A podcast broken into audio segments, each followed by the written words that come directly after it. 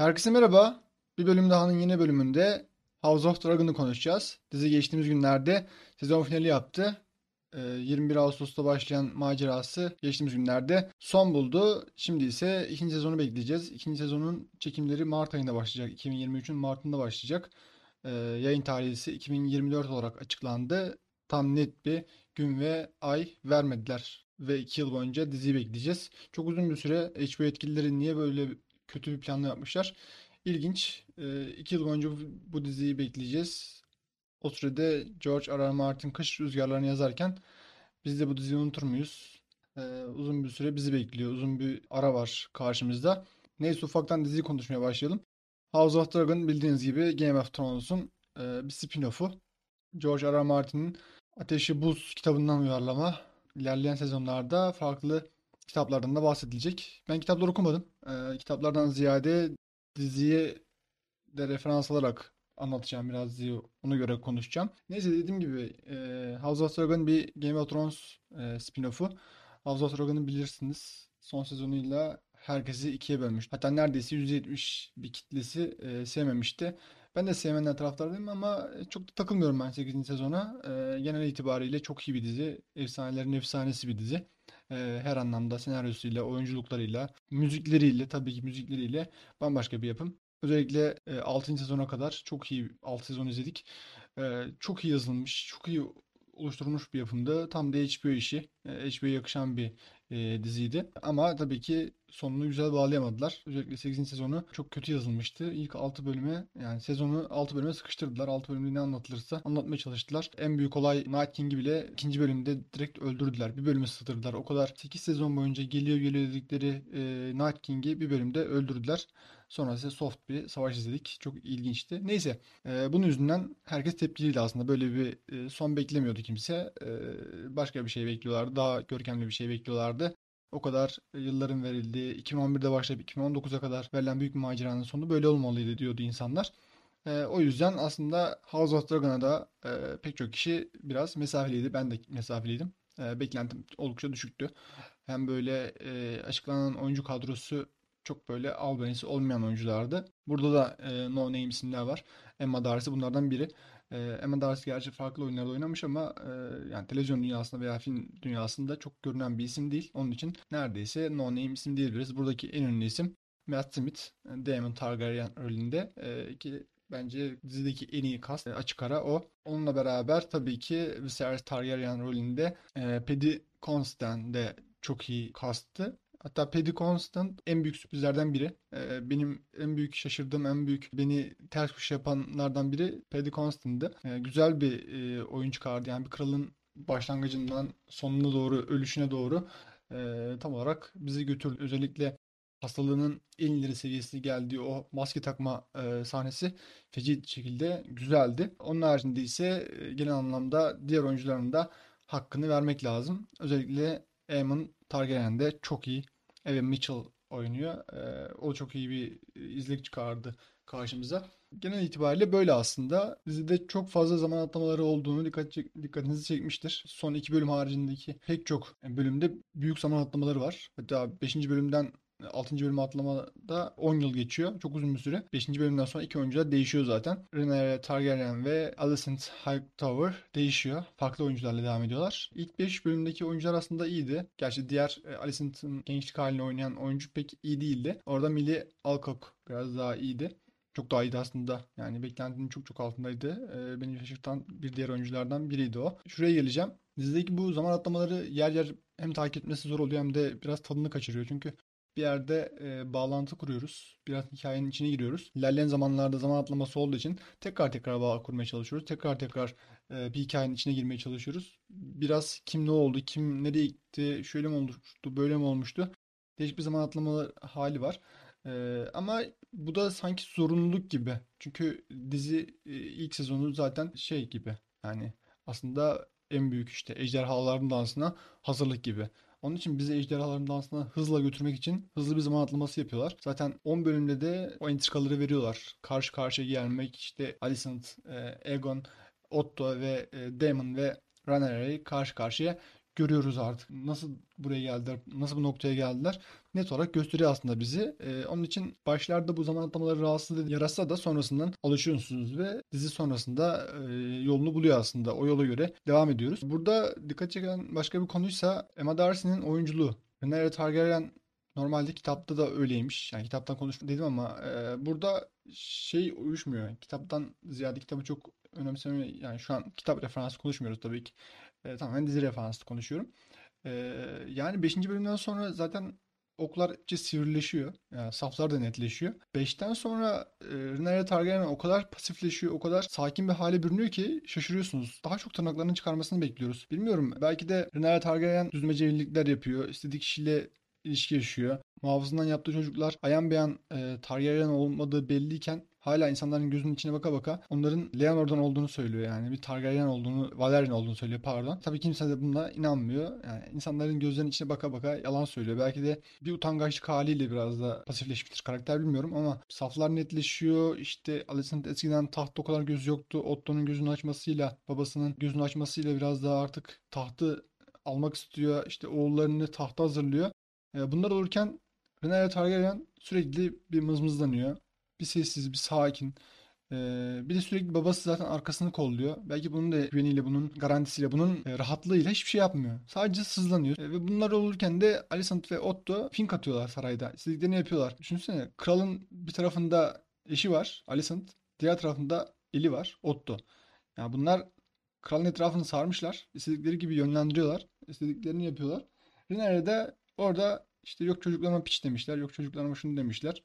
Yani zaten öyle de ben mesela Rüner'e bu kadar mesafeli değildim. Yani muhafızından çocuklar yapması defalarca hala insanlar aptal yerine koyup nasıl olsa taht benim şeyine girmesi ciddi anlamda beni sinir etmişti. Onun için biraz daha mesafeliyim. Yani şu an büyük bir e, yeşiller ve siyahlar saf oluşmuş durumda. Ben hala kendimi bir safa ait hissetmiyorum. Yani dizinin başında tabii ki Rhaenyra Targaryen'i tutuyordum. O da Emma Darcy'den dolayıydı. Çok değişik hikayenin bağımsız. Ama şu an baktığım durumda Yeşiller herhangi bir sempati yaratmıyor bana. Özellikle Otto'nun yarattığı şeyler. Sürekli bir iktidarı e, ele alma derdinde, sürekli bir tahtın high tower'lara geçme derdi beni bayağı sinir etmiş durumda. Şeyin Viserys'in karısı ölür ölmez adam o akşam zaten kızını Viserys'e göndermeyi planlamış. Yani dakikası hemen onunla kaynaş, onunla bir arkadaş ol. Sonra evlen. Sonra çocuğun olsun. Erkek olursa da yaşadık. Alicent gibisinden bir, bir şey getiriyor. Yani çok iğrenç bir adam. Çok yılan bir adam. Game of Thrones'taki serçe parmak gibi bir adam. E, sinir edici bir adam. Onun için çok da yeşillere e, sıcak bakmıyorum. Siyahlara ise işte biraz da Rhaenyra'nın tavırlarından dolayı da e, Matt Smith'e gelecek olursak yani Daemon Targaryen'e gelecek olursak aslında müthiş bir karakter. Yani ilk sezonda ilk sezon diyorum ilk bölümlerde müthiş bir karakter analiz yaptılar. Müthiş bir karakter karşımızdaydı işte. Hırçın, hırslı, istediği şeyi yapmak için hiçbir şeyden çekinmeyen müthiş bir karakterdi. Yani özellikle bir ve ikinci bölümde Damon müthiş bir karakterdi. Yani o kadar ilerleyen bölümlerde o kadar pasifleştirdiler ki Damon tanıyamaz oldu. Karakter ne yaptığını da bilmiyordu. İşte tamam kovuluyor, tamam işte karısını öldürüyor. Ee, sonra diğer karısı doğum yapamadığı için ejderhası tarafından kendisi eli yakılıyor falan. Ya bunlar tabii ki belki de karakteri kötü etkilemiştir. Belki de müthiş bir şekilde psikolojisi bozuldu. Onun için biraz da içine çekildi. Abisiyle zaten arası değil. Ne zaman itiraz etse, ne zaman tahta almaya çalışsa, ne zaman abisiyle yüzleşse Viserys onu kovdu veya dövdü. Bir şeyler yaptı. Onun için aslında belki de karakter bunun için biraz daha pasifize edilmiştir diyeceğim ama çok da katılmıyorum buna. Sadece fikir yürütüyorum şu an. Daha çok şeye bağlayacağım. Diziyle alakalı forumlarda genellikle şunlardan bahsediliyor dizi kurgu masasında çok fazla sahne atılıyor. E, sezon finalinde dizi IMDb'de 63 dakika görünüyor süresi.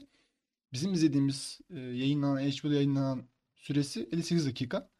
Yani nerede bu 5 dakika? Yok. Yani kimse de bir şey söylemiyor. Çok garip ve geçtiğimiz günlerde bir tane daha işte House of Dragon'dan silinen sahneler tarzı bir belge görmüştüm. Orada da pek çok sahne atılmış ve sahnelerin pek çoğu Damon'ın sahneleri atılmış. Belki karakter bunun için tırpanlanmış. Biraz ne olduğunu göremiyoruz biz. Sadece Rina ile Alicent arasında sıkışmış durumdayız. Sadece onları görüyoruz. Onların mücadelelerini görüyoruz. Şu an gerçi şeyden sonra 6-7'den sonra çocuklar da büyüdüler. Çocuklar da hikayeye dahil oldular. Onlarla beraber daha da çeşitlendi hikaye. Özellikle dediğim gibi biraz önce e, Aemon karakteri çok iyi bir karakter. Aslında Egon'da 9 ve 10'da kendini biraz daha gösterdi. Büyüdüğünden sonra alkole ve kadınlara çok meraklı olduğunu görüyorduk. Ama özellikle 9. bölümde çok iyiydi yani. Ben kral olmak istemiyorum. Bıraksınlar beni. Dar denizini geçeyim. Kendimce yaşayayım gibisinden bir ruh halindeydi. Ama tabii ki e, taç giydirildikten sonra, o gücü elde sonra, kılıcını kuşandıktan sonra o gücün etkisiyle hoşuna gitti. Yani çünkü güç müthiş bir e, zehir. Hem zehir hem de müthiş bir içki diyeyim. Onun için Egon da aslında e, tahtı kabul etti. E, burada farklı bir detay 9. bölümde. Egon'u tahta geçirmeye uğraşsalar da yani Egon'u tahta geçirmek için e, fellik fellik e, Westeros'ta onararken Aemon ve e, Sir Criston Cole e, Aemon da kral olmak istediğini söylüyor. Çünkü kılıç kuşandığını, işte felsefe okuduğunu, e, tarih okuduğundan bahsediyor ve tahtın en önemli yani tahta en yakışan, en gerekli vasıfların bunlar olduğu için aslında tahtı istediğiniz falan söylüyor. Tabii ki Sir Criston Cole buna çok yanaşmıyor. Çünkü e, biraz o Alicent'a hizmet ettiği için, Alicent'ın muhafızı olduğu için onun emirlerinin riayet ederek Egon'u e, tahta geçirmeye derdinde. Ama işte bu Aemond'un atılımı cümlesi çok önemli. Yani belki ilerleyen sezonlarda e, belki Aemon da şeye itaat etmeyecek, Egon'a itaat etmeyecek. Bunu bilemeyiz. Çünkü sadece iki aile arasında yani Rhaenyra ve Alicent arasında değil de yani siyahlar ve yeşiller arasında değil de belki yeşiller arasında bir de taht kavgası çıkabilir. Çok olası. Böyle olursa daha da katmerli bir hikaye izlemiş oluruz. Çok daha kaliteli bir hikaye izlemiş oluruz. Şeyde ise siyahlar tarafında pek bir olay olmayacağını söylemek istiyordum. Vazgeçtim. Çünkü orada da tabii ki Daemon faktörü var. Daemon ve Rhaenyra belki karşı karşıya gelebilirler. Zaten 10. bölümde karşı karşıya geldiler. Daemon zaten e, savaşta dünden razı. Rhaenyra ise savaşa yanaşmıyor. Burada Daenerys hatırlatıyor. Yani pek çok hareketi, pek çok cümlesi Rhaenyra'nın. Yani e, sanki nesiller boyu aktarılan bu bir nüans gibi. E, neyse Daemon'a geleyim. Daemon'da savaş meraklısı. Biraz daha hemen işte ejderhaları çıkaralım. işte hemen savaşalım. Ve o şey e, tahtı gasp edenlerden alalım. Alicent'tan Otto'dan zaten Otto hiç sevmiyor. Çünkü Otto sezon boyunca önünü kesti. Ya zaten yıllardır önünü kesti. Sürekli e, hem konseyi e, hem de abisini Viserys'i etkisi altında alarak e, biraz da işte arasında e, mesafe koyduğu için Otto'yu asla sevmiyor. Onun için biraz da yakıp kül etmek istiyor her yeri. Tabii ki e, Rhaenyra biraz daha sakin, biraz daha e, dirayetli bir şekilde davranıyor. Aynı şey gibi. Daenerys gibi. Yani Daenerys aslında dizinin sonuna kadar bir dirayetini sürdürmüştü. Ama tabii ki onu devam ettiremedi. E, Westeros'u yakıp kül etti. Burada da aslında benzer bir şey görecek gibiyiz. Büyük bir şey olmadığı sürece aslında Rhaenyra saldırmayacaktı. O büyük bir şey de tabii ki Rhaegar'ın Rhaenyra'nın oğlu Luke'u öldürmesi oldu. Luke çok tatlı bir çocuktu. Aslında tam da onun üzerinden savaş çıkması da aslında iyi oldu. Yani diğer oğlu ölse bu kadar hırçınlanır mıydı Rhaenyra sanmam. Ryan Condrell'ı tebrik etmek lazım. Zaten bu dizi Ryan Condrell ve e, George R. R. Martin'in ortak yaratıcı olması çok önemli. Yani e, Game of Thrones'ta Martin şey değildi. Senaryo ekibinde de değildi. Yaratıcı ekipte de değildi. Onun için biraz da hikayenin sonlara doğru yalpalaması, e, malzemesinin bitmesi biraz da buradandı. Yani Martin ucunu bıraktıktan sonra adamlar böyle kafası kesilmiş tavuğa döndüler. Teşbih hata olmaz. E, yani yazamadılar hikayeyi. Onun için de lanet ettirdiler. İçine ettiler yani senaryonun. Ee, ama burada Ryan Condrell ve George R. R. Martin iyi bir ikili olmuşlar. Ee, iyi bir ekipleri de kurmuşlar. Ekipler de çok iyi. Yani burada şunu not düşmem gerekiyor. House of Dragon'da Game of Thrones'ta olmayan hatta ilerisine giden bir şey var ekibi.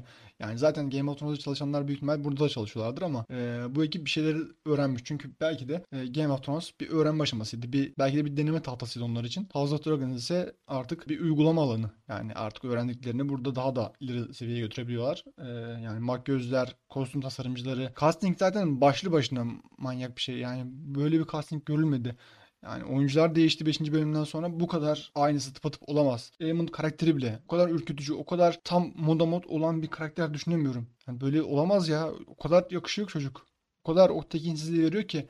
Yani önü çok açık zaten. İlerleyen yıllarda büyük ihtimal öncelikle korku filmlerini izleriz. Sonrasında da böyle e, aksiyon filmlerinde izleriz diye düşünüyorum. Ama tabii ki korku filmlerinin aranan yüzü olacak Evan Mitchell. Çok iyi. Yani cidden ama çok iyi. Ee, bir de burada şeye değinmeden geçmek istemiyorum. House of Dragon'ın temel meselesi ejderha evi yani. Bayağı ejderhalarla dolu bir dizi izliyoruz. Yani ilerleyen sezonlarda da önümüz ejderhadan geçilmeyecek. 13 ejderha olacak diyen var. 26 ejderha olacak diyen var. Ee, şu an için ejderha sayısı bilinmiyor ama çok fazla ejderha olacak. Ama işte dediğim gibi bu en büyük kozu ejderha olmasına rağmen birinci sezonda dizi bu kozunu kullanmadı. Çok iyi yani. Böylesi büyük bir kozu hemen kullanıp elini e, boşaltmak büyük bir riskti ve büyük bir bence handikap olurdu. Onu yapmadılar. Ondan ziyade işte yavaş yavaş yavaş yavaş hikayeyi ilmik ilmik örmeyi tercih etti senaristler. Ki bu çok daha iyi oldu. Bazen ejderhalar bile görmüyorduk. Yani gördüğümüzde değiyordu tabii ki gör, gördüğümüzde. Yani pek çok ejderhayı görmemiz farklı bir nüans yaratıyordu. Game of Thrones'ta ejderhaların hepsi birbirine benziyordu aslında. Yani belli bir karakterleri falan da yoktu. Hepsi birbirinin kopyası gibiydi. Ee, bir ejderhayı bir ejderhadan ayırmak çok zor. Ama burada hepsinin rengi, boyu, ebatları, davranışları hepsinin çok farklı. Onun için çok iyi bir detay ve e, dizi ilk 10 bölüm boyunca, ilk sezon boyunca bunu çok şey yapmadı.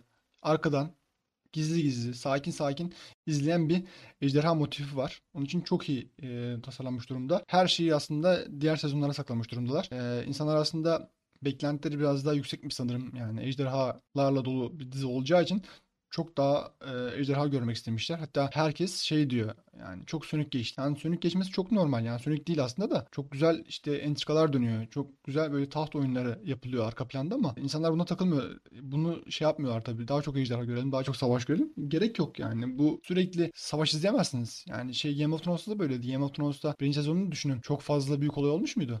Ned Stark ölmesi haricinde çok büyük bir olay olmamıştı. O kadar sakindi, o kadar durandı ki. Yani drama gibiydi ilk sezon aslında. Belli başlı taht oyunlarını görüyorduk ama e, o zaman her yerde şey de çıkmamıştı. E, krallık iddiasında bulunan insanlar da çıkmamıştı. Onun için e, House of Dragon'a böyle yaklaşmak biraz haksızlık olur. E, neredeyse şey beklememiz lazım. İkinci sezonun ortalarını beklememiz lazım. Zaten e, Ryan Condrell da şey dedi. İkinci sezon Game of Thrones'un ikinci ve üçüncü sezonda tekabül edecek şekilde ilerleyecek. Hikayede şu an bilerek biraz daha yavaş götürdük. Bence yavaş değil. Olması gereken. Bence 6. bölüm biraz şeydi, sönüktü. 6. bölümde entrika da göremedik, e, ejderha da göremedik. Onun için biraz sönüktü aslında 6. bölüm. Bir de oyuncuların değişimi olduğu e, bölüm olduğu için biraz daha böyle mesafeli olarak e, yaklaşıldı. Belki tekrar izlemek lazım. Zaten diziyi ben tekrar izlemeyi düşünüyorum. E, yani her sabah pazartesi sabah sabahın köründe heyecanla izleyip tekrar rahat rahat izlemek ve arka arka izlemek daha farklı bir etki yaratacaktır tabii ki. Onun için tekrar izlemekte fayda var diyeceğim.